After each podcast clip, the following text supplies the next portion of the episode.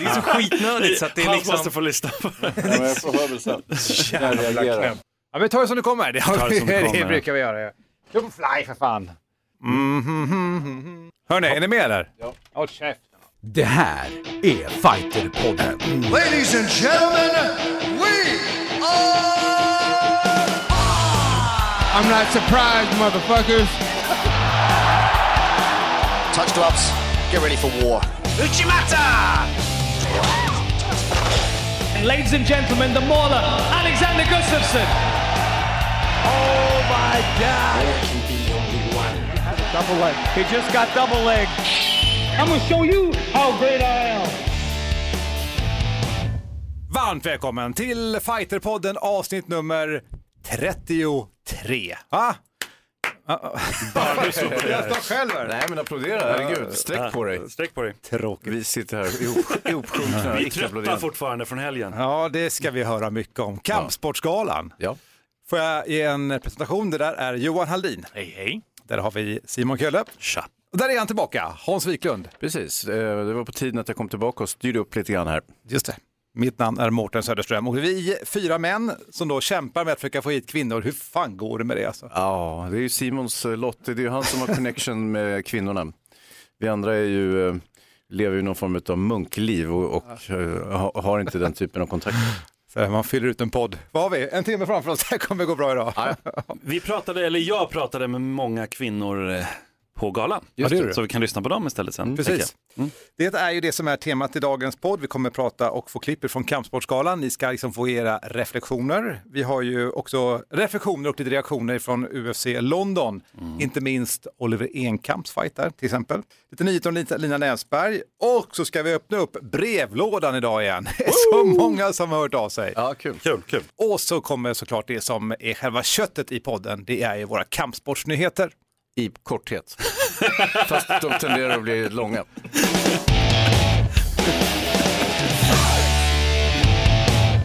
What's on the menu som vi säger Simon? Ja, så säger man kanske i Göteborg. Eh, UFC London kan vi börja med. 90, Ja. 93 tror jag man sa Ja, det. 93. Precis. Eh, Alexander Volkov, han är 36 i record nu, knockade Fabricio Verdum i huvudmatchen. Vad säger ni om det? Fjärde Ja. ronden. Bra, snyggt. Alltså Eller? vilken match, eller nej, alltså, jag tycker att det är så här att där tycker jag man kände att Verdums tid är över. Ja, kanske var det redan innan. Ja men det var, det var tydligt liksom. Eh, Kanske, kanske, men han är alltså, han har ju kommit tillbaka tidigare så man vet ju aldrig riktigt. Men Volkov är grym också, man ska inte ta det ifrån honom. Han är nu 4-0 i UFC och eh, är riktigt, riktigt vass. Det säger ju lite, jag brukar alltid prata om Minakov, om ni inte har koll på honom, Vitali Minakov som borde vara champ i UFC om han ens var signad, men han är inte signad. Han eh, gjorde ju slarvsylta med Volkov. Det säger lite nu då så här hur bra Minakov är. Och varför inte han signad för? Mycket snack, han är ju M1-fighter och tänk, kommer ni ihåg hur mycket tjafs det var för Fedor att komma in i UFC och så, han kom ju aldrig dit liksom. Det har varit mycket så att, så, sen har han varit signad av Bellator tidigare, Okej. så det är därför. Det har även Volkov varit och Volkov åkte faktiskt på två torskar när han var i, eh, han gick 5-3 i Bellator om jag inte minns fel. Det är inte superimponerande. Nej, och sen 4-0 i UFC. Och det där är lite så här jobbigt för UFC när någon har gått inte superbra i Bellator men sen härskar i UFC. Just det. Men han var ju ändå avvaktande i början, han hade ju stor respekt, det förstår man ju. Men sen så när Han var inte det för Verdum. Nej, men Johan alltså- kanske. Får- jag ställa en fråga bara? I Verdums sån här spes, det står att han har black belt in thai-boxing. Kan man ha det? Det visste inte jag. Jo då. Ja, det är Cordeiro, eh, vad heter han? Eh, hans eh, coach där. Han har judat eh, fightcampet där, där Vanderlei och alla kommer ifrån från Aha. början. Shoot the box. och, och sådär i Curitiba. Är det. Och ja, alltså, han får väl dela ut svartbälten om han vill. Det är ju hans stil liksom, eller hans system. Så Okej. att, eh, sen om puristerna tycker att man kan göra det eller inte, det, Ja, det, det tvivlar man ju på. Att, att de bränner rökelse och tillber Buddha och tycker att det är okej med bälten. Nej. Nej. Det är inte så jävla thailändskt. De har ju sina små pannband istället, de här små tennisrackorna de har på huvudet. I got it, I got it. Ja, nej men övrigt på den galan så, du var inne på det, Oliver Enkamp, han fick det väldigt tufft. Han blev knockad i första ronden, Danny Roberts, Hot Chocolate. Vad säger ni om den matchen? Ja, det var en sneaky smäll han åkte på. Ja. Och en vänsterkrok och han tvärsvimmade. Jag tyckte att självförtroendet var ju enormt hos eh, Danny Roberts när han kom in. Alltså, han var så klar. Det kan vara att han hade hemmapublik också. Jag vet Ja, inte. Jag måste säga bara en sak. Lite slarv av Oliver att göra samma teknik flera gånger mot en rutinerad, eller överhuvudtaget göra det i, i, på den här nivån. Han gjorde liksom sin sidekick fyra gånger på raken. Men det var för tidigt stopp. Om man tittar från flera håll så ser man att Oliver är med, klart och tydligt. Han har händerna uppe och skyddar sig och domaren stoppar efter ett slag. Lite svårt att avgöra om det var en flashknock eller inte. Det får, vi får nästan ta hit Oliver och snacka med honom om Ja. det. Men jag tycker det såg ut som att han var med. Att han hade kunnat få i alla fall ta emot någonting mer. Ja. Tycker ju åtminstone att nu blev det en knockout liksom, och då ska man ju vara borta. Men det såg ju Så- verkligen ut som att han slocknade, han ramlade ihop som Han ramlar ett korthus. baklänges. Det var, ju det, det var ju det när man vänder sig sådär. Ja, det är ju den här flashknocken att man somnar liksom en millisekund, men han var med, han hade, han hade kunnat ta gard, det hade kunnat bli lite spel där nere, tror jag. Men det blir ju, det är ju väldigt Kallar du det för flashknock? Det är det när man Ja, liksom slocknar och så du är tillbaka borta en millisekund, man ser just, just som du var inne på, som han sa, att man såg liksom hans ben kollapsar och det, då är ju kroppen förstår. lägger av. Men det är också svårt, alltså det där är ju en utpräglad äh, striker han är på, han hade ju bara bombarderat honom förmodligen. Så är det ju. Han, alltså, han är en boxare och jag tycker lite så här, jag gillar ju verkligen Omar och hela det campet. Jag tycker de är, brukar ha väldigt bra gameplans. Mm, jag är lite tveksam på den här gameplanen faktiskt, att försöka hålla honom på avstånd och mot en kontringsboxare. Liksom att gå på låga sparkar, ja, ja, jag vet inte riktigt. Det såg ju ganska bra jag. ut fram till han blev knockad, inte Så är det ju, så är det ju absolut. Och, Men det tycker jag inte nödvändigtvis är fel mot någon som är eh, mer rutinerad, mer boxare och, och troligtvis starkare. Att, att, att, eh, då vill man nog röra sig lite mer och, och ha den här float like a butterfly, sting like a bee modellen. Jag tror att det var helt rätt att inte trada med honom, men sen fastnar ju en i, i att göra samma teknik. Fast det är inte det enda alternativet att trada eller att vara liksom rörelse runt. Han är ju jättekreativ. Alltså han har ju varit superkreativ i matcherna fram till UFC och släppt loss liksom. Det är lätt att säga att man ska kunna göra det på den största arenan men det är det han borde gjort han såklart. rullade igång med en rätt hyfsad rundspark första han gjorde. Hade den suttit så hade det varit klart. Ja. Jo, så är det ju absolut. Nu skriver eh, stora amerikanska sajter det såklart om eh, Oliver och då är det att han har blivit krossad. Aftonbladet passade på att skriva lite om Oliver också och räknade även sekunder på att det tog 131 sekunder innan till Oliver Ja, fast det blev är ju en risk Det är när man har ett namn. Om, om Hot Chocolate möter The Future, alltså Mm. namnet Future är ju inte kanske liksom det bästa namnet då. Kanske inte. Men eh, det får stå för dig. Jimmy Manua åkte på en rättvis förlust på domslut tycker jag mot eh, Jan Blahovic eh, i den här matchen som han aldrig borde tagit. Blahovic är alltid svår, alltså. han är jobbig motståndare för alla. Titta på när Alex mötte honom. Det är svårt, alltså han är tuff och han har slagit Illy. Alex hade väl inte speciellt mycket problem med var Alex, inte var, Alex var tvungen att ta ner honom för det var ganska jobbigt stående. Han blev träffad stående, det var i Tyskland. Han Alex- vann fair and square på, på domslut men det var ändå en jobbig match för Alex där han sa det. Jag kan inte stå och trada med honom, jag fick ta ner honom. Så Alex tog ner honom och ground and poundade honom. Han är väldigt metodisk, Blaovic. Eh, Manua är ju liksom mycket mer än, eh, var- varenda match hit, hittills som jag kommer ihåg i huvudet så är det ju, det är do or die på något sätt. Han knockar eller blir knockad. Ehm, så att, han har ju sin vänsterkrok från helvetet. Alltså jag tyckte han, jag tyckte han, tyckte han gjorde en ganska bra match ändå. Han är inte alls lika slipad som Blaovic. Nej, men när man har den, det, det, det slaget, så tänker man ju att matchen är aldrig slut, alltså för en gång har gått. Alltså den kan komma, hur wobblig Ja. han än var, så Ja. den kan komma, den kan komma. Men det var ju kvällens match, så sett var det ju. Den var ju liksom, det var ju ett slagsmål. Ja, på main card, på undercard var ju faktiskt, där var det ju flera som var kvällens match. Du hade ju två stycken skottar som gjorde Som gjorde det riktigt bra ifrån. Sen tycker jag också, alltså ryske tungviktaren som gjorde debut, alltså Dmitrij Sosnovski som, eh, alltså verkligen, han, han slog Godbear där. Eh, 11-0 har han nu record och jag tycker han var, alltså han är ju verkligen en, ett framtidshopp. För tungvikt, tungvikten är också ganska, fel att säga det, men, men tunn, får man säga det? Ja, den är lite lätt. Ja. Ja. Ja, om vi rör oss lite till Sverige så var det ju mycket Kampsportsgalan förstås i helgen som vi ska prata om, men också att det var deras årsmöte, Kampsportsförbundets års, årsmöte, där Defendo, känner du till den? Hur ska vi definiera Defendo? Johan? Defendo är ju andra världskrigs eh, historia från Storbritannien som sen har forslats över till eh, Kanada om jag kommer ihåg rätt. Men det är väl självförsvar? Eller Det är självförsvar. Nej, ja, det är militärt självförsvar. Just det. Farban och Sykes eller vad de heter från början. Då tycker jag, kan man, får man eh, använda automatgevär också? Alltså, grundmodellen är ju att de tränar ju på allting, men det är ju väldigt mycket eh, knäcka nacken på nazister. Eh, och, Ja, men det är så kul. Jag hittade någon sån gammal svensk, det finns sådana instruktionsböcker från- på ett bibliotek länge, länge sedan, så här 40-50-talet, som var instruktionsbok helt enkelt i svenskt ja, självförsvar då, bland annat man ska ta en spade, hur man kan typ i praktiken kliva huvudet på någon. Det var det man alltså undervisade liksom inför andra världskriget. Om det kommer någon jävel, då använder du spaden så här. Men spaden är ju inte att underskatta. Inte att underskatta. Nej, nej, Men i, de för fan. böckerna, men i de böckerna var det ju ryssar man, man slog ihjäl. Absolut. Ja. Nej men i alla fall, Defendo har blivit ny sport, invald då. Apropå spadar eh, i, I Kampsportsförbundet, deras Och den eh, viktigaste tekniken i Defendo är just spaden. spadentekniken. spaden. Ihop med om man har en pistol som man kan skjuta en annan person. Exakt. Och sen har det även en annan sport då som man kan diskutera, sport inom situationstecken, All Style. Ja. Ni, kan, ni kommer väl ihåg All Style Open och som, Ja, ja. från Solnahallen och allting sedan 84. Den har liksom blivit egen sport och det är något så här politiskt som ligger bakom det. Men de det var väl där du var Johan och tvingade- Paolo Roberto-gänget, var det inte på All Style ni hängde? Har jag fel? Men jag hängde också där. Ja, vi var väl alla där. Ja. Ja. Nej, jag var inte där. Var det du aldrig där? Nej, jag var inte där. Nej, jag, var, jag var inte så ajour kanske på den tiden. Men förlåt, hjälp mig, men All Style, är det det som Tabo... Det fortsätter än idag, Tabo- precis. Han höll det? Eller? Tabo är en av de som har arrangerat det och det är ganska många klubbar då som bara tävlar i det. Och det är ju, från början var ju tanken att kung fu fighters skulle kunna fightas mot taekwondo fighters och så vidare. Och så blev det liksom att, typ som K1 nästan, alltså det är så här, kom och fightas på vilket sätt du vill stående. Det är jäkligt bra att hitta på en helt egen stil och sen så eh, utbilda sin klubb på det och sen kör man det och vinner allting. Alltså inte sant? Det är, det fantastiskt. optimala.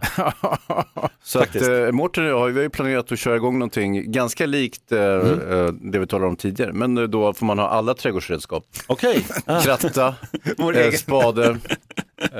Ja, varför inte? eh, Blomspruta med gift i liksom. Alltså fördelen med det här det är ju att det finns olika, alltså det är ett regelsystem som passar oavsett om man kommer från kickboxning eller karate eller taekwondo eller MMA.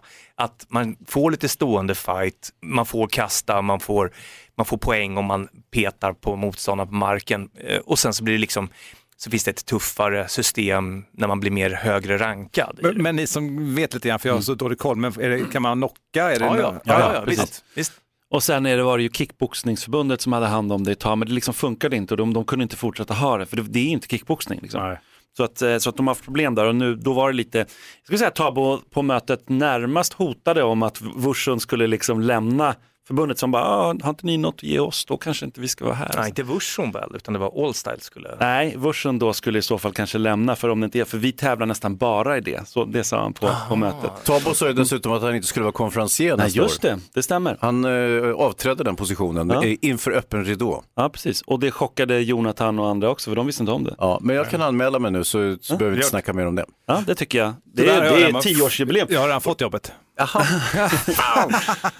Ja, men, ja. eh, Nej, men det är väl skitbra, Hans Wiklund, alltså tioårsjubileum, det låter väl Det är super. helt perfekt för mig. Nu blir han helt tyst För min karriär. Ja. Varför inte? Nej, För men din det, är, karriär. det bra. Ja, men det blir. Rejält kliv. Sen har vi då eh, capoeira som har blivit Man så märker när vi har en podd när vi inte är helt synkade, märker ni att det liksom, alla pratar samtidigt? spretar. Ja, det, varsågod. det, Det jag avbryter. Ja, det är lugnt. Kör. Capoeira har blivit en, eh, inte en egen sport, det har det varit länge, men det har blivit ett underförbund Mm. Tillsammans med HEMA, för det betyder då att de har blivit så pass stora så att de kan stå på egna ben, de är helt autonoma kan man säga. Det betyder att de växer väldigt stort, snabbt och eh, det är väldigt kul tycker jag. Mm. Det, det innebär att man får ha eget SM och massa grejer, det har de redan haft, både capoeira och framförallt HEMA. Men eh, capoeira kanske inte har SM, men de kan ha om de skulle vilja.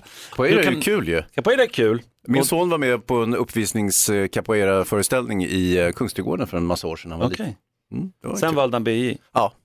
Ja men det så kan det Ja. Det vill- hänger lite grann ihop där, alltså. det hänger ihop lite grann. Alltså BJ och capoeira. Capoeira, det är en del som liksom... Nej, det är från Brasilien, det är därför folk rör ihop det. Det är Så kan det vara. Så det. Men man säger inte brasiliansk capoeira däremot. Gör man inte. Nej, och i Brasilien säger de inte brasiliansk jujutsu utan de säger jujutsu. Så är det. Och Så är i det. Brasilien kan man inte capoeira utan klapp och klang. Ja, nog. Oh. Nej, Den, den, nej, är det var helt inte sant. En mening här var inte sann. Vilken var det? Ja, precis. Finn ett fel. Eh, Musse Hasselvall valdes in i förbundsstyrelsen. Det var lite otippat. Han har väl inte varit den som direkt engagerat sig i den typen av frågor tidigare. Så att det var väldigt eh, spännande på fyra dagars varsel. Eller man kan, man kan säga så här, Musse har varit jätteengagerad Ja, han är i engagerad. kampsport. Sista Ehm, fyra dagarna. Nej, i kampsport ja, absolut. Mm. Men även i politik. Alltså, Mm. det är bara ja, att ja. han har haft en annan, liten annan eh, modell. Mm. Alltså med hela det här mot, mot eh, Bosse Ringholm och förbudet av kampsport och sånt där för Sverige. en 11-12 år sedan så var han väldigt engagerad. Ja. Nej, men också, han har ju sin egen plattform så att säga. Han har ju inte behövt den här världen riktigt utan han, har ju, han är ju liksom utgjuter sig i tv och alla möjliga sammanhang eh, och, och har alltid liksom är politiskt eh, relevant får man väl säga och eh, dessutom i grunden en kampsportsfigur. Liksom. En, en, en av de kändare kampsportarna i landet. Du träffar ju August Wallén där Simon. Vi ska se vad han eh, säger, han som är ordförande nu i eh, Bud och kampsportsförbundet. Alltså att Musse kommer in i styrelsen tycker jag är ett jättebra tillskott. Vi fick också in eh, George Salfelt som är fantastiskt kompetent. Och jag tror att de bägge har mycket att ge och jag tycker att det är väldigt positivt. Vi tappade ju Virpi Alajärva som förbundskassör eh, på grund av jobb och Marcus Widengren och de två är väldigt, väldigt vassa. Och det är otroligt tråkigt att tappa dem i styrelsen. Och då har vi då fått in två stycken nya vassa då. Då har vi fått in George och, och Musse. Och, och det kan jag bara säga att det är väldigt, väldigt positivt. Sen så kandiderade Musse även till eh, förbundsordförande. Eh, Jag tror på fyra dagars varsel eller någonting. Och det var väl kanske lite otippat för, för många. Men han är en mediaprofil, han är känd, han har hjärtefrågor som, eh, hur ska man säga, eh, ja, stämmer in hos ganska många. Och han hade ganska stort stöd idag, tycker jag.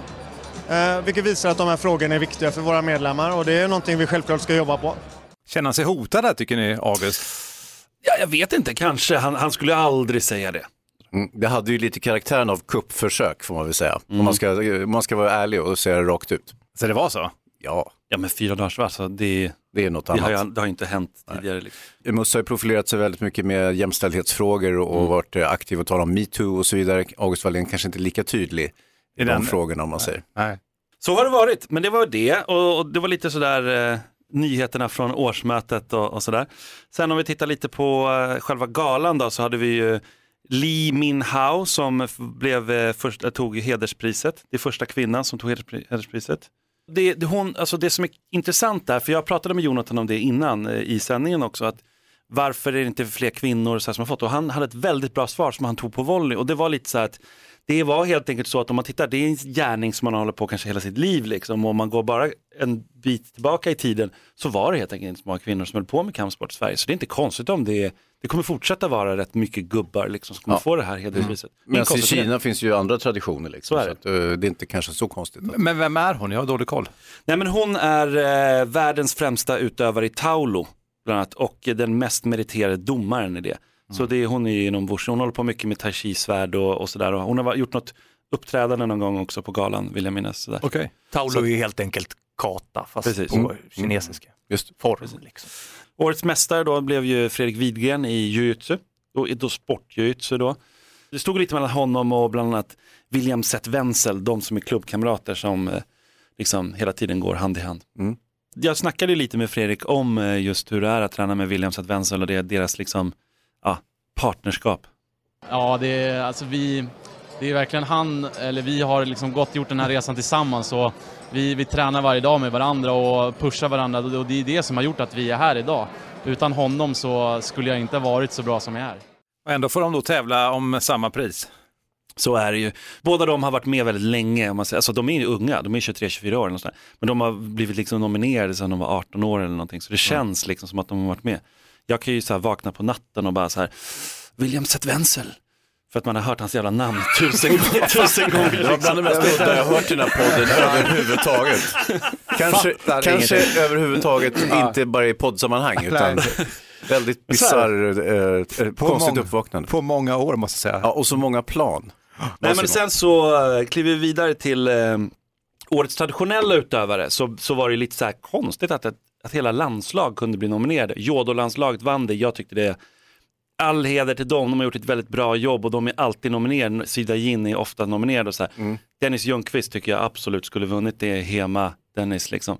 59 vinster av 60 möjliga, 2017 vunnit VM, allting. Alltså kom igen. Ja, nu Han vet jag att du också vurmar väldigt mycket för Hema, Ja, men det det känns som att du ändå argumenterar lite grann där. Du tycker alltså att Hema borde vunnit före Jodo. Ja. Jag hade ju hade ju väldigt fin bordsplacering, jag satt vid bästa bordet som vanligt. Eh, näst bästa, Simon satt vid bästa. Eller? Jag satt inte ens, jag stod Just- hela stod kvällen.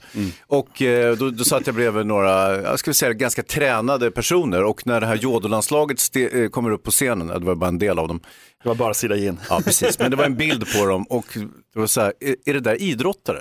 Nej. Alltså det ser ju lite mer ut som de håller på med frimärkssamling än eh, elitidrott. Om jag- Om jag ska vara, du vet, kan de göra en armhävning överhuvudtaget? Var det så hårt alltså? Ja, jag Vilket? utmanar dem nu. De får gärna komma hit och visa hur man gör en armhävning eller du vet, någonting. Men jodo, det är ju pinnar, eller hur?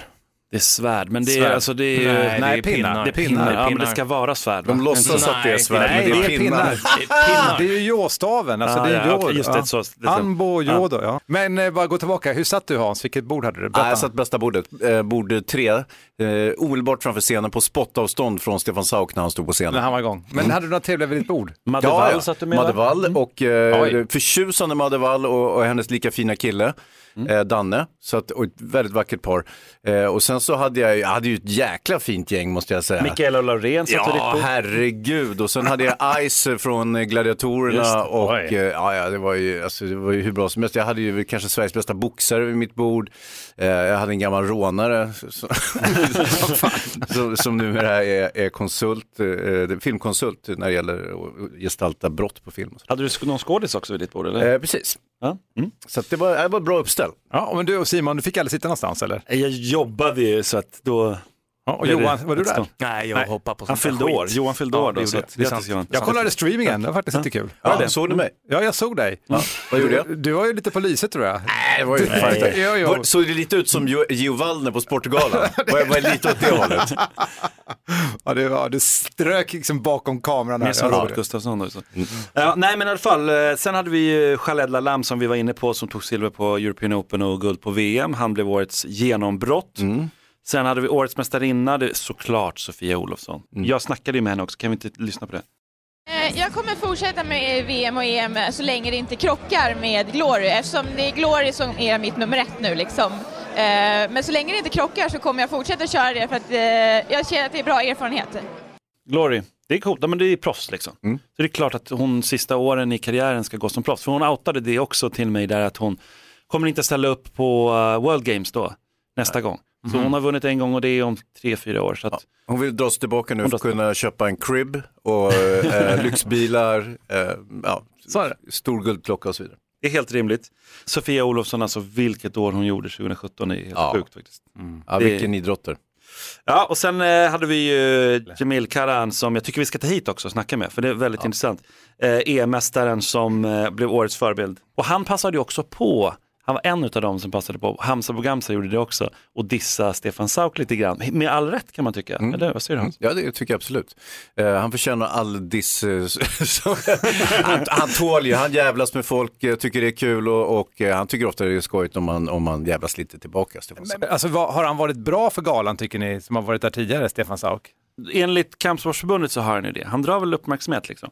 Och det var ju ganska liten gala från början så att det kanske har varit viktigt. Han är ju rätt kontroversiell och han gör rätt bänga saker. Något år så sjöng han någon visa som var ganska kul och han har dragit ganska mycket grova vitsar och sånt där. Han får folk att vakna till lite grann och sådär. Sen finns det ju en del övertramp. Jag tror att bäst före-datumet där kanske Jag tycker nästa år att vi satsar på Alicia Vikander till exempel, det vore roligt. Mm, det vore kul. Ja. Jag vet inte om vi bara kan byta Stefan Sauk mot Alicia Vikander sådär helt oproblematiskt, men det vore väl fan... Jag vet inte om Alicia håller på med kampsport heller. Det spelar väl för fan ingen roll. Du, du pratar ju faktiskt med Stefan Sauk. Gjorde jag.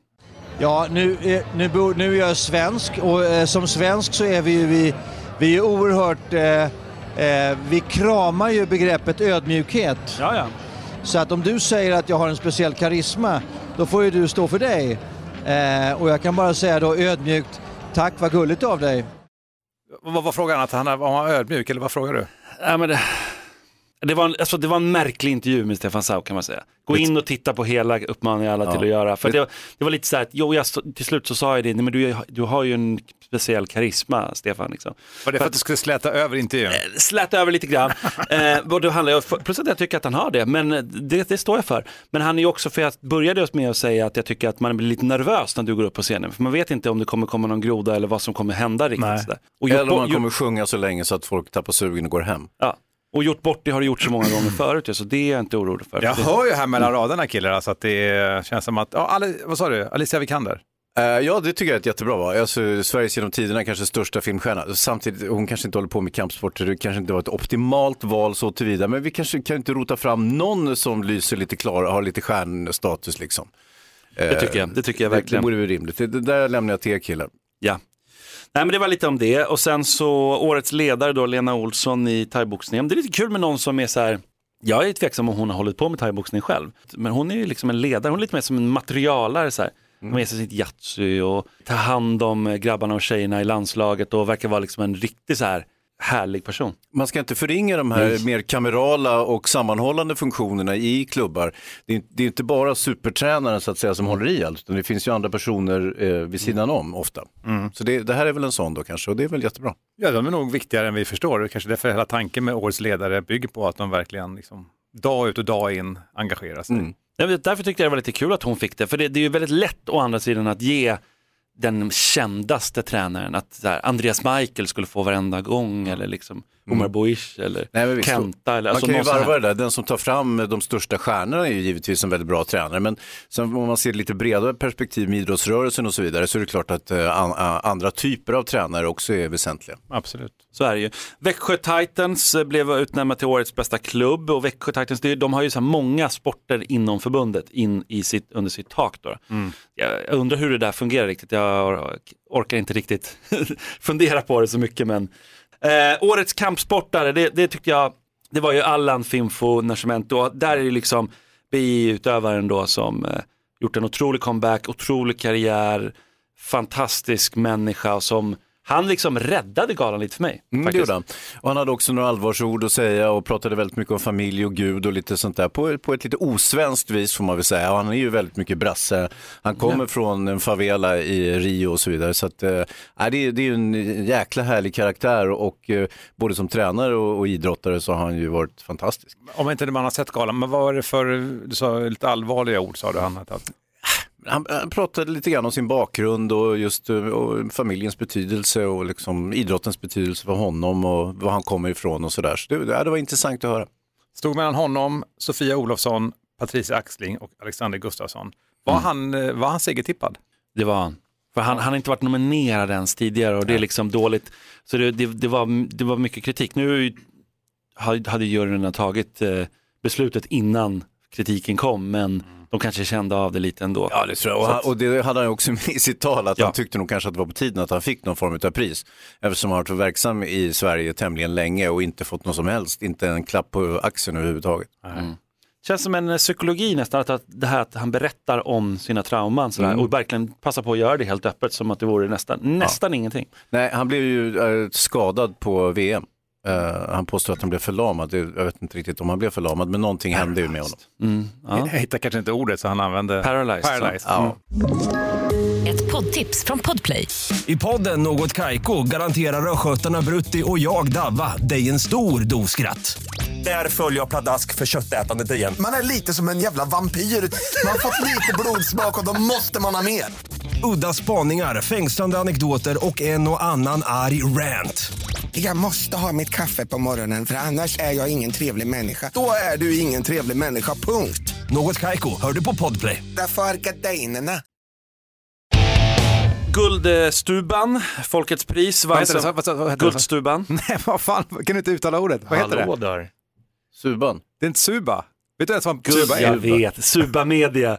Men, men vet du vad en Suba är? Jag vet vad Suban är, hjältet på, eller det är Som nere en på svärdet. bas-suba liksom. Ja, precis. Nej, men, så här, så På att, svärdet, okej. nere på. Ja. Guld, kan vi ta det? Guldsuban. Guldsuban, jag kommer säga guldstuban fortfarande. Eh, Suban är något man slåss med. Nej, det är ungefär nere som Alltså, vad fan, eller är- har ni inte haft ett katana i Ja, det handen? är Vad är nere det? som håller i den. Det är ju parerskyddet. Ja, ja, ja, precis. ja, ja. Herregud, fan. Jag tar om det då. Folkets pris, Guldsuban, vanns av Hamza Bogamsa för tredje gången. Hamzi! Hamzi, precis. Tillsammans med Reza då har ju de, Reza Madadi som delade ut priset också, så har ju de tagit sju av galans nio liksom, Folkets pris. Ja, Helt rättmätigt, väldigt populära fighters båda. Vilka är de andra två? Har du minne av det? Nej. Alexander Gustafsson Ja. tog den första 2010. Vem tog den andra då? Johan, kommer du ihåg det? Det här är liksom Inte en quiz. aning. Lundgren. 2016 Ili Latifi. Jaha, du ser. Så att, eh, det är ju bara MMA-fight. Ja, Hamza är väl då också, han är thaiboxare och, och MMA-fight. Och dessutom från samma klubb. Allihopa. Ja. Så att, eh, ja, mm, mycket fans där. Om vi fortsätter lite i MMA då, eftersom att det där handlar om MMA, så Har, eller Hardem eh, Alacebek kommer, han är 3-0 nu, kommer möta en obesegrad MMA-fighter på fredag nu, Kalifornien. Så att han fortsätter gå matcher i USA, det tycker jag är spännande. Han som anses vara liksom den här snälla killen, han blev lite profilerad som det i Musses eh, Slå han på käften-program om ni kommer ihåg det. Mm, mm. Så att, eh, lite kul. Vi har lite andra svenskar som kommer gå match. eh, De kommer gå i april nu men det har blivit outat precis. Phoenix 6 där i Abu Dhabi. Då har vi Frans som eh, borde kanske vara i UFC, Sliwa. Som eh, kommer möta Dagir Ima Imavov, 12-3 record. Sen har vi Diego Gonzalez som kommer möta Mustafa Rashid Neda, 4-1 record. Sen har vi eh, Sirvan Kakai. Så att det är tre polare egentligen som åker ner dit, som kommer möta Shoya Kamikubo. Och vilken tävling var det här sa du? Phoenix 6 i Abu Dhabi. Ja, och jag vet, Diego har ju gått eh, tid- matcher tidigare i Abu Dhabi. Ja, coolt. Så att, eh, Tur att det är kul. bra pröjs där när man tävlar på den tävlingen. Alltså det lönar sig troligtvis för dem att åka ner i alla fall och, och, Mm. och tävla. Så att, eh, visst, Diego han kör ju mycket eh, brasiliansk jiu-jitsu nu. Han har ju tävlat i det sent om sidor. Just det. Eh, blev promoverad till svart bälte också utav Oh, Kent nice, Hammarström. nice. Det är bra, men han är ju, han har varit, det känns som att han har varit med oerhört länge. Han är inte Ja. så gammal. kör han på, pra- är han på Prana? Ja, Jaha, visst inte. jo, han tränar hos oss och, och eh, han är en jäkla tuff och väldigt fin och verkligen. ja, fin kille. Men hela det gänget är väldigt schyssta personer. I UFC då, då, Lina Länsberg har ju fått match mot eh, Gina Massani, 5-1. Hon har noll, förlorade sin första match, 0-1 i rekord i UFC. Där förlorade hon den. En allround fighter som eh, ja, kommer kunna ge Lina en match. Lina har, är ju lite i det där läget, hon behöver nog vinna den. Hon har ju vunnit liksom varannan då än så länge. Mm. Så hon har vunnit en, förlorat två i UFC, så det är lite det är time att vinna en sån match. 27 maj i Liverpool kommer den gå. På samma gala kommer vi också se Makvan, kommer ni ihåg Makvan? Finska fighten som tränade på Allstar länge. Ja, ja, ja, han som var så galen. Han var lite galen, ja precis. Och gnäll, gnällde på folks engelska på presskonferensen, Ja, ja, ja. fast hans egen engelska var inte, Inte helt hundra. 100% heller. Nej, han, det var ju en festlig karaktär. Eller hur? Han är tillbaka eh, efter en tids eh, bortavaro och kommer gå matcha. Nico har gått ut, alltså Nico Musuka har gått ut och sagt att han gärna vill komma tillbaka. Och, och jag kan ju tycka att Daniel Tamer också borde säga till där. Det är en gala för honom. För att killen som Daniel Tamer fick stryk av, han var ju på liksom så var- han berättade ju det när han var här, att han var på sin liksom, vad heter det, smekmånad och hade Precis. gått upp i lite Just vikt det, just det, och just det. fick ta den där matchen på kort varsel Ja. och bröt handen det första han gjorde. Den killen som ändå han gick en tuff match mot har ju liksom verkligen gått bra nu i UFC. Mm. Så att det höjde lite Daniels, tror jag, aktie Hans senaste match var, nu. ja men vad, vad tog det, 50 sekunder? Något va? sånt där, precis. Ja, Aftonbladet räknar inte sekunderna på den matchen. Nej, ja. Men och, och, när sa du, när, ska, när är den här matchen? 27 maj. Kul. Så vi hoppas lite på fler svenskar där. Så och, och ner till Liverpool, det var då, det tar, vad tar en timme eller en och en halv timme att åka dit. Det är väl bara åka dit. lite längre. Ja. Ja, men det... Någonting som vi kommer komma in på väldigt mycket om folk blir lite besvikna nu att jag inte pratar mer om den grymma UFC-galan som kommer vara i början av april där.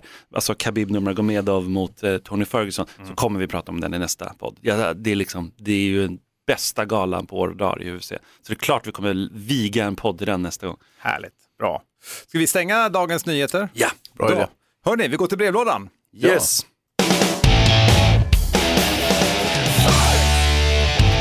Alltså det kommer ju otaligt. Var- Varför tog du du har tagit upp en... Ja men Hans sa damparfym som han sprayar mig med. Damparfym, vad fan säger du om min frus grejer? Det är väl damparfym? Simon Finns har... det någonting annat? Eh, Herrparfym och damparfym? Ja, det finns- Vad, vad, vad vill du kalla det? jag, jag, Flickparfym? jag trodde att det bara var vanligt att det var Hörni, någon- skitsamma. Ja, Men jätte- du- jättegod ja, parfym. Simon tagit liksom tröjan över ansiktet? Jag fattar inte. Eh, vi har fått väldigt många mejl och frågor om, ska ni inte fortsätta att ta upp frågor från er brevlåda? Och det ska vi göra. Eh, och då har jag tagit fram plingan. Ah, ja, det är ingen signatur utan bara ett enkelt pling. Exakt. Simon, det här är till dig. Mm. Jag tycker om din beskrivning om sambo i din bok och jag tycker inte ni pratar mycket om det i Fighterpodden.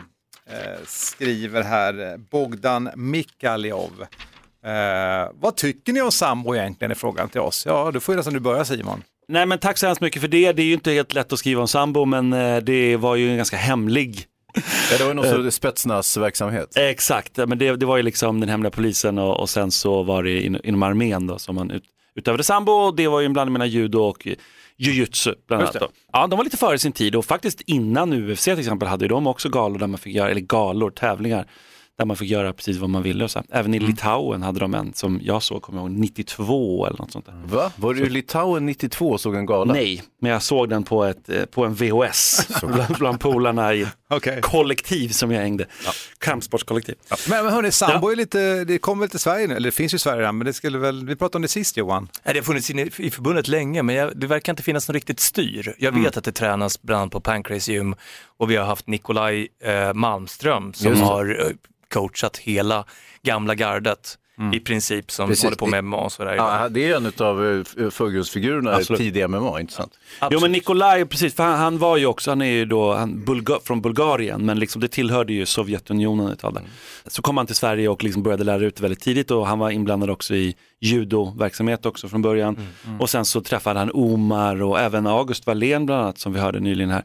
Var i Stockholm och gick kurs hos eh, Nikolaj och liksom. Så han är lite så här, de som blev MMA-pionjärer hade i alla fall lärt sig någonting av Nikolaj innan. Sen ska man inte tacka bara Nikolaj förstås för deras framgångar sen. Som lärt sig av många, men eh, sambo är viktigt och det är coolt att titta på. Shabib Nurmagomedov bland annat. Och, Och det skriver han också här som en kommentar till dig. Bogdan skriver, jag är också ett fan av Khabib, skriver han här. Det är typ alla ryssar och, och så. Men vem är det? Det är många som är, han är miljontals fans alltså. Men man blir ändå fundersam, tror man att sambon har anpassat sig nu efter MMA? Alltså, för har ni sambon tagit? Nej, tittar du bara. Alltså sambo, sambon är ju en, en, det betyder typ för självförsvar utan vapen. Ja. Hela det här långa sambo, Rozoaya, Orozia eller vad fan det nu är. Och det är ju liksom, eh, det, dels är det ju idag en idrott eh, som är, alltså det, det finns ju alla möjliga typer av sambo, det finns ju de som är mer som judon fast man får benlåsa. Och så finns det det som i den här stora turneringen som är, sambo. som är kickboxning med Det är stenhårt, det är tuffa grejer. Ja, ja, de har, de har överdelen av, av en gi på sig. En, en gurka kallas det, gurka. Gurka, någonting Så gijacka och kortbyxor. va? Precis, Mm. eh, och så, så små, små eh, tofflor på sig tänkte jag säga, men det har de inte, små skor. Eh, och sen så smackar de på varandra ganska bra, så det är MMA i gi kan man säga. Och då frågar jag igen, tror du inte att den typen av sport du har, nej den har inte Den påverkats? har funnits länge, alltså. de Funnits har hållit på med länge. det skitlänge. Eh, förlåt, man ska inte svära. Men har de låsta tekniker, kan inte de plocka in tekniker som har utvecklats i MMA? Ställer jag frågan en gång till.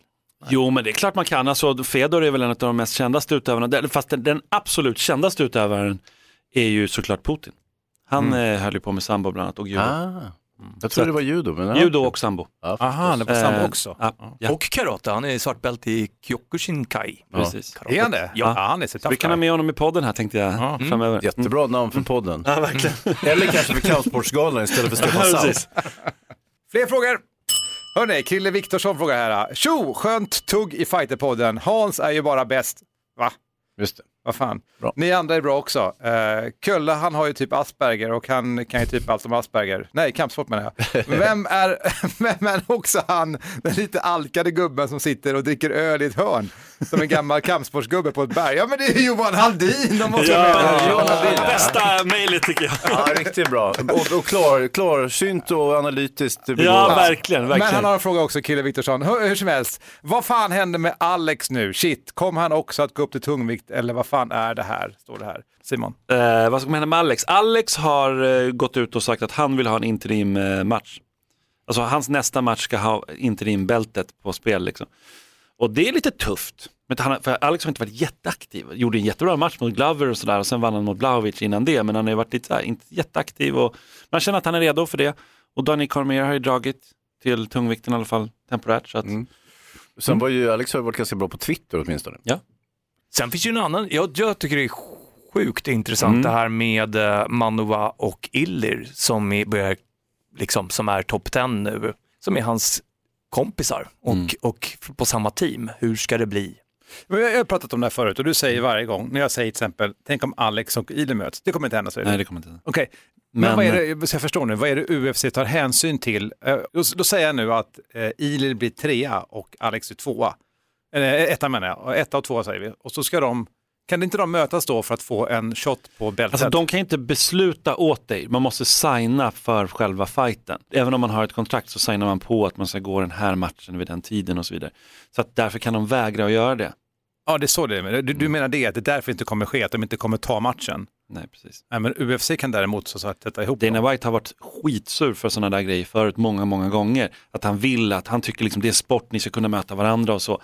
Väldigt lätt för honom att säga, men med tanke på att två då som har liksom tränat nästan varje dag tillsammans, det är klart det blir något annat liksom. Ja, det är ju besvärligt. Det är ju, det är ju som att möta sin bror antar jag. När man, är så, man blir ju väldigt nära varandra när man tränar så mycket och är tillsammans hela tiden. Ja, det är inte alls ovanligt, när, alltså, när vi kollar BJ, när det är klubbkamrater liksom, som går upp och ska mötas i final så brukar de ibland, ingen, de fightas inte helt Och, enkelt. å andra sidan, eh, det var ju Nordic Open i helgen i Nacka. Nej, Nordic Open heter Ja, exakt. Ja, Ja. precis. Eh, de möttes ju i svartbälte så möttes ju bröderna Karneborn.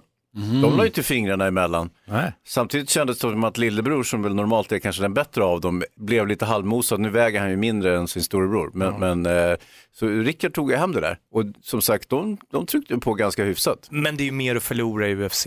Både... Va? Ja. Nacka Open. Jag ber om ursäkt Nordic Open för detta övertramp. Ja. Eh, och, eh, och Manova. Ja, nej, men nu förlorade ju han mot Blahovic i den där matchen som han aldrig borde tagit, men han behövde väl pengar antar jag. Så att eh, hålla sig aktiv, så att eh, alltså det finns lite andra fighters. Shogun har varit borta ganska länge, men han, kom, han är fortfarande i alla fall kvar och kanske vill, han vill ju ha match, han är topp 10 liksom. Så han kanske kommer kunna ta den. Glover, det finns lite andra, det finns Ostemir, det, fin, alltså, det finns ju ett par personer helt klart. Men eh, vem Alex ska möta, det är lite svårare. Ilir och Manuel, de kommer få matcher, det är ingen snack om saken. Spännande. Japp. Eh, hej på er ifrån Hake, tack för en bra podd. Eh, har några frågor eh, i ett ämne som ni kanske inte gillar att prata om, men som kanske Johan Haldin kan berätta mer om. Eh, det handlar om rekord i amatör-MMA. Eh, tidigare var det ingen som snackade om det, eh, men då Smaff och andra som Sherdog börjat ha sånt uppskrivet, tror du att det kan innebära problem? Ja, men vissa, vissa länder, eller vissa ska vi säga, klubbar har ju haft som en, en, en idé att de ska kunna sandbagga, alltså dölja eh, hur erfarna deras eh, fighters är. Man ska kunna liksom låtsas som att man är, är sämre. En del vill ju vara bättre än vad de är, men det har faktiskt aktivt varit så tidigare, framförallt i MMAs historia. Och En del länder har det här lite som en idé fortfarande. Det är liksom lite typiskt. Jag ska inte nämna några länder så jag slipper massor med utmaningar. Jag är för gammal för det. Men, Eller så är det ju, i BI'n också, att det är ju folk som kanske borde vara högre graderade som inte är det. Mm. Så, att, så här tänker jag att om det är så att vi ska få kampsporten att bli som hockey och fotboll och så, då vill man ju liksom man vill se allting, allting ska vara transparent och öppet så att det inte blir dåliga matchningar. Det kan ju vara så också att det finns organisationer som vill plocka in folk som är bättre, sämre, någonting. Alltså matchmaking-biten här, det blir en sån fråga som blir relevant. Så att kan man se eh, personers record, record, vilka de har mött, så det finns en klar säkerhetsaspekt i det. Tackar. Jonathan Jonsson frågar, hej det var kul när ni hade biljettutlottning i podden, kommer ni att ha det igen? Ja det kommer vi faktiskt ha. jag har fått bra. uppbiljetter till Cage Warriors, så jag tänkte nästa podd så ska vi ha det. Fräscht. Fräscht. Mm, bra. Jag älskar flingan här. Marcus Masip tror jag, BI-utövare. Eh, kul med podden. Nu har jag massa frågor i en mening här. En fråga som kan vara intressant är frågor om landslaget, en lite het potatis i vissa läger. Vad betyder det att representera Sverige internationellt i BJ idag? Är en fråga han har. Ska vi börja med den? tycker Ja, vad säger du? Ja, det betyder väl i stort sett ingenting skulle jag vilja säga. Nej. Inte för att ta här och, och i heder av uh, landslaget sådär. Det, det, det är bra, det det är kul att det finns. Och ännu roligare om de kan få någon träningsoverall som det står Sverige på. Sådär. Men, men i övrigt så tror jag att det saknar betydelse. Det är inte så att man skriver om det i tidningen direkt. Nej, det är det inte. Nej, det är synd. Vad det är inte så då? att de betalar resorna till idrottarna, eller? Ja, det är det är ytterst blygsamt i sådana fall. Eller hur? Så är det nog. Eh, vad är det vinnande konceptet för en framgångsrik BJJ-klubb och utövare på högsta nivån idag? Jag tänkte att den frågan passar ju ganska bra så du arbetar eller tränar på Prana Hansa. Ni är duktiga där ju. Ja, det, det är väl den ledande elitklubben i, i Sverige kan man väl säga. Eh, I Skandinavien också. Det är ju, Norge har ju Frontline, eh, ytterligare en bra klubb i Norge. Men s- men Prana är väl ganska överlägsna på den, på den högsta nivån i Sverige. Och eh, egentligen handlar det väl, och eh, antar jag, om eh, kontinuitet. Att det hela tiden pågår verksamhet. Att man inte har något krångel, ingen politik, inget trassel, man blir inte utslängd, beter sig inte konstigt utan eh, man sysslar med den här idrotten på mer eller mindre heltid. Som Och det är så hos er menar du? Ja. Det är så? Ja, skulle jag säga. Så att, och det tror jag många säger, eh, jag håller med om, att om man vill satsa eh, och bli liksom en internationell spelare i jujutsu, då, då är det här är nog den enda klubben som man kan köra i. Och vi får ju dessutom väldigt mycket folk från, vi hade Hussein från Norge nu, kom och tränade ett par dagar eh, och lite sådär. Så att vi, vi har ju ett utbyte med både de skandinaviska länderna och även eh, Holland, Polen och så vidare så kommer det folk. Mm. Det var ju lite sådär hemlighetsmakeri, eller jag, jag vet inte om det är det på, på andra BJ-klubbar, att man inte fick liksom lära ut sina trick och hemligheter och sånt där. Jag tror att den här öppenheten som sker nu på en del klubbar är jätteviktig. Och sen så tror jag en annan sak och det är ju att järn slipar järn, eller vad ska man säga, iron hardens iron. Det. Eh, Alltså att ni får ju in tuffa spelare och, och då blir det, det blir tufft, det blir bra helt Mm. enkelt. Man bjuder in de tuffaste atleterna och sen så tränar man med dem och då, ja, det blir, Det, det blir bra. Det ha- handlar om att samla alla de bästa spelarna på ett ställe och eh, precis som eh, Johan säger så är det att har man bra killar och det kommer andra bra killar och tjejer eh, så blir allting bättre. Och det här hemlighetsmakeriet är bara löjligt. Men, men man kan väl också motionsträna hos er, eller är det en utpräglad liksom, tävlingsklubb? Nej, det går alldeles utmärkt. Jag kör ju där till exempel. Mer motionär än så blir det inte. Eh, sista frågan bara, det kan vara intressant ifrån Marcus där. Hur ser ni på framtidens möjlighet att tjäna pengar som BI-utövare på elitnivå i framtiden? Jag funderar på det, vi har pratat om det förut, vi har haft en hel del BI-utövare här, man åker till andra länder och sådär. Hur ska man kunna tjäna pengar på BI? Jag tror som med all kampsport, alltså som inte är, är boxning eller MMA då, att man hamnar i den yttersta eliten och börjar tjäna pengar. Men eh, i de här sporterna, i, i vanlig kampsport, så är det genom att hålla seminarier, eh, göra tävlingar, resa eh, och eh, liksom lära andra. BJ är ju ganska svår idrott, men det behövs en rätt hög nivå för att förstå vad det är som händer. Ehm, så att jag tror ju att med tiden, och det här var samma problematik med MMA i början, att det tog en tid innan folk fattade och alla buade när de låg på marken och, och när det blev liksom svårt. Nu, har, nu är det många som har blivit utbildade och förstår när det blir ett, armlå, eller ett armlås på gång eller en strypning, saker som de inte fattade innan. Och det tror jag är BJs liksom framgångsrecept, att fler och fler blir utbildade i det och det gör att fler kan titta på det. Hörni, där stänger vi dagens brevlåda. Skicka in fler mejl till oss. Det är fighterpodden at fightermag.se så ska vi svara på alla frågor så gott vi kan. Du träffade ju Björn Eriksson på Kampsportsgalan. Precis, Eh, Björn Eriksson alltså RFs ordförande, ti- tidigare rikspolischef i Sverige, som jag pratade lite med om eh, vad han egentligen tycker om kampsport och förbundet och så vidare. Ja, jag tycker det är en väldigt intressant medlem för ni representerar någonting som är lite unikt. Nämligen att ni har satt, samlat ett antal idrotter under samma hank och stör. Eh, Och ni är dessutom en snabbt växande verksamhet. Ni gör otroligt mycket när det gäller att integrera de som kommer till det här landet. Och med andra ord är ni en spännande eh, sportaktivitet som övriga idrotter kan titta lite grann på. Det innebär inte att ni är felfria, det är ingen. Men ni har en del att erbjuda. Ja, ändå fina ord, eller hur? Ja, verkligen. Ja, Björn Eriksson är, är hyfsat tung i idrottssammanhang får man ju säga. det går inte att bli tyngre. Liksom. Nej, det går inte det. Och eh, det är ju trevligt, nu, nu är han ju också politiker så att säga, så att han, eh, han skulle inte gå på en sån här tillställning och säga att det var riktiga skitsporten, ni borde inte ens vara med i vårt fina RF. Så är det ju, men å andra sidan, jag, jag hade ju det, har ju mitt minne då som folk kallar Asperger ibland och sådär, så att jag minns ju när han till, tillträdde och på presskonferensen, då, då pratade han om kampsport. Han kunde prata om vilken sport som helst. För Han älskar ju hockey, fotboll och allt möjligt, men han valde att prata om kampsport och lyfte upp kampsport som någonting viktigt, vilket fick många så här, va? Va? Va? Va? va? va? Vad pratar han om? Liksom. Fick inga följdfrågor på det alls. För han lyfte det redan då, vilket jag också påpekade. Och sen så säger Björn Eriksson också att kampsporten har ju faktiskt en särroll just när det gäller integrationen som ju är kanske den största politiska och samhälleliga utmaningen som vi står inför. Det vill säga att om vi stänger ute en stor del av befolkningen från landet så kommer vi få enorma problem. Eh, Då kommer den här skiten att rasa som ett korthus. Så att eh, integrationen är A och O och eh, kampsporten är jäkligt viktig där och det har den alltid varit. Eh, kan man också utnyttja det på ett bra sätt så, så, så är mycket vunnet och därför så tror jag att eh, politiker och Björn Eriksson och andra kommer och eh, fortsätta vara förtjusta i kampsporten och det, det som möjligtvis gör då. Nej, men sporten är viktig generellt, men jag tänker just det finns ju en grej i kampsport att du lämnar ditt ego utanför dörren.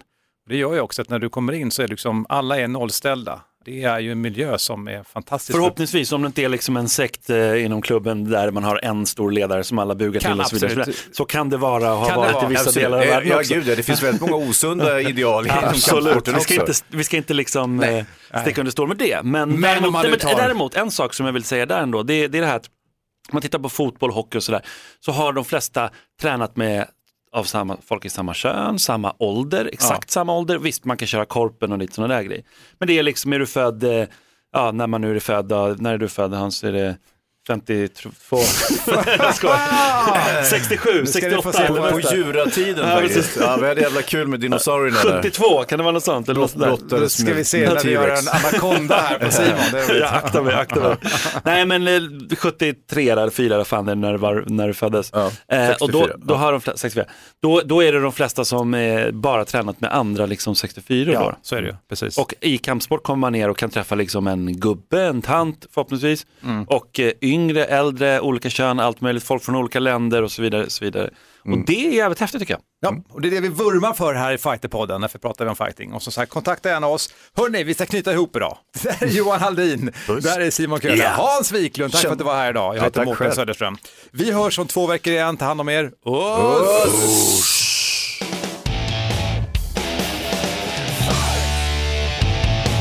Fighterpodden produceras av Suba Media för Radio Play. Ett poddtips från Podplay. I fallen jag aldrig glömmer djupdyker Hasse Aro i arbetet bakom några av Sveriges mest uppseendeväckande brottsutredningar. Går vi in med hemlig telefonavlyssning och, och då upplever vi att vi får en total förändring av hans beteende. Vad är det som händer nu? Vem är det som läcker?